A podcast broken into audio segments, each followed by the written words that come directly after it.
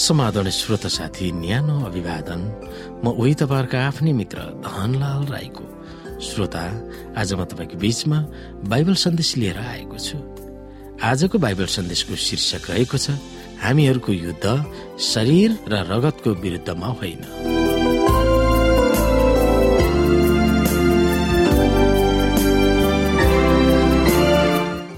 श्रोता साथी हामीले बुझेका छौँ हामीहरूको युद्ध यो रगत र शरीरको विरुद्धमा होइन। हाम्रो युद्ध भनेको सांसारिक अन्धकारहरूको विरुद्धमा सांसारिक शक्तिहरूको विरुद्धमा जसले हाम्रो विश्वासलाई नाजुक बनाइरहेको छ।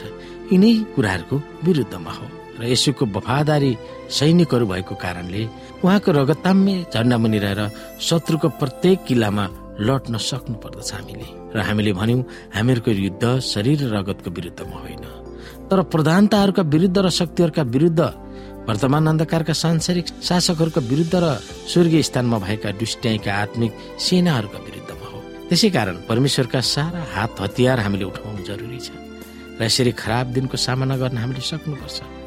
र त्यो खराब दिनको सामना गर्नको निम्ति हामीले प्रभुलाई हाम्रो हृदयमा सधैँभरि राख्नु आवश्यक छ। सबै काम गरेर खडा हुन सक्ने हो भनेर हामीलाई बाइबलमा भनिएको छ।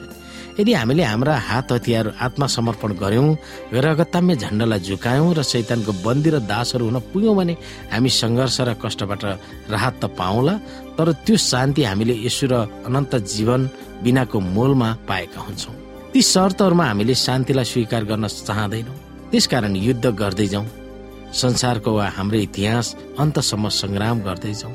तर आत्मिक नैतिक र चारित्रिक हत्या र पापीको मूलमा हामीलाई त्यस्तो शान्ति चाहिँदैन।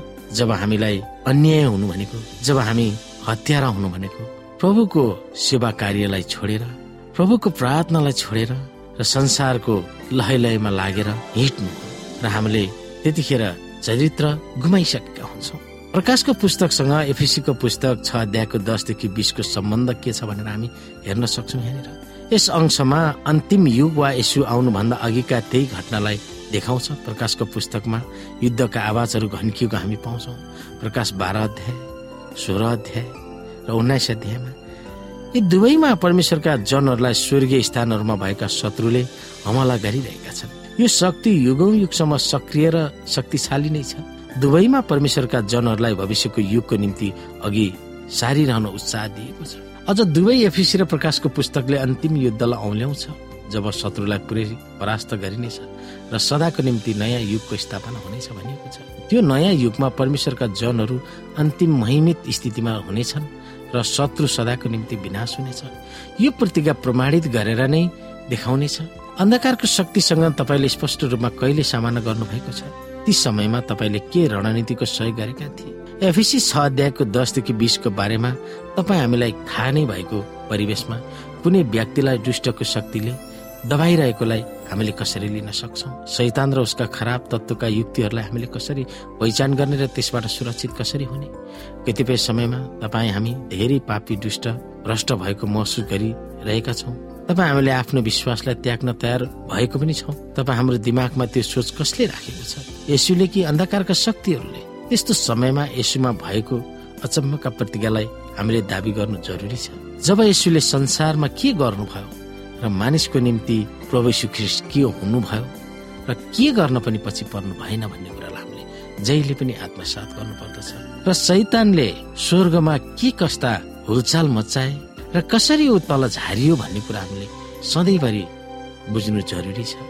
र ती कुरालाई हामीले मनमा सधैँभरि अटल राख्नु जरुरी छ। र यिनै स्वर्गबाट झरेका अथवा स्वर्गबाट हुत्याइएका जुन शैतानले संसारमा ठुलो राज गरिरहेका हामीले पाउँछौँ। बारम्बार हामीलाई उसले थिचोमिचो गरिरहेका छन्। हरेक मानिसको आत्मामा भएर हरेक खालका मानिसहरूको बोली व्यवहार वचनमा भएर उसले हामीलाई नराम्ररी घुचिरहेको छ या प्रहार गरिरहेको छ। जब हाम्रो विश्वासको कमजोरी हुन्छ जब हाम्रो प्रार्थनाको कमजोरी हुन्छ जब हामी प्रभुभन्दा धेरै टाढा पुगिसकेका हुन्छौँ। जब हामी आफ्नै व्यस्ततामा आफ्नो काममा तल्लीन हुन्छौँ जब हामी प्रभुलाई प्रार्थनामा सम्झिँदैनौँ तब शैतानले ठुलो मौका हेरिरहेको हुन्छ। यिनै मौका पारेर हामीलाई विभिन्न षड्यन्त्रहरूमा फसाउन सक्छ शैतानले। ठुलो रूपमा उसले आफ्नो दलबलहरू खडा गरिरहेका छन्। हामीलाई हरेक तरिकाले उसले फसाउन चाहन्छ। यो युद्ध भनेर हामी सम्झनु पर्दछ यिनै कुराहरूसँग हामी विचार गर्नुपर्दछ कि हामी कसरी तिनी कुराहरूलाई चिर्न सक्छौँ र त्यो कुराहरूबाट हामी कसरी भाग्न सक्छौँ र प्रभुको महिमामा हामीले कसरी टेक्न सक्छौँ? कि पावलले बारम्बार हामीलाई सम्झाइरहेको छ? हामीले खाने कुराहरूद्वारा हामीले हिँड्ने हामीले बोल्ने कुराहरूद्वारा हामी शैतानको जालमा पासोमा परिरहेका हुन्छौँ। तर हामीलाई सधैँभरि परमेश्वरको महिमी वचनले हामीलाई होसियारी बनाउँदछ ताकि परमेश्वरको महिमायुक्त वचनहरू हामीले धारणा गर्नुपर्दछ ताकि हाम्रो हृदयमा सधैँभरि राख्नु पर्दछ र शैतानले हामीलाई केसम्म गर्न सक्छ र शैतानले हामीलाई कहाँसम्म पुर्याउन सक्छ भन्ने कुरा पनि हामीले ख्याल गर्नुपर्दछ हामीले पावलको अर्थीलाई एफिसीको पुस्तकद्वारा बुझ्न सक्छौँ कि उहाँले हामीलाई यिनै खालका द्वन्द्वहरू हुन्छ भनेर स्पष्ट पारिरहेको छ। यो कुराबाट हामी कसरी सतर्क हुन सक्छौँ र दुष्टका ती अग्निबारहरू कसरी हामी निभाउन सक्छौँ? तिनै प्रभुको वचन धारण गरेर प्रार्थनाको साथमा हामीले तिनीहरूलाई निस्तेज गर्न सक्छौँ। र प्रभुको वचन हाम्रो निम्ति एउटा ठुलो शक्तिको रूपमा काम गर्दछ र त्यो वचन हाम्रो हृदयबाट कहिले पनि नहटोस् हामीले प्रभुलाई धन्यवाद दिनुपर्छ। कि यी सबै कुराबाट हामीलाई विजय गराउनु भएको लागि। यिनै कुरामा हामी विचार गर्न सक्दछौँ।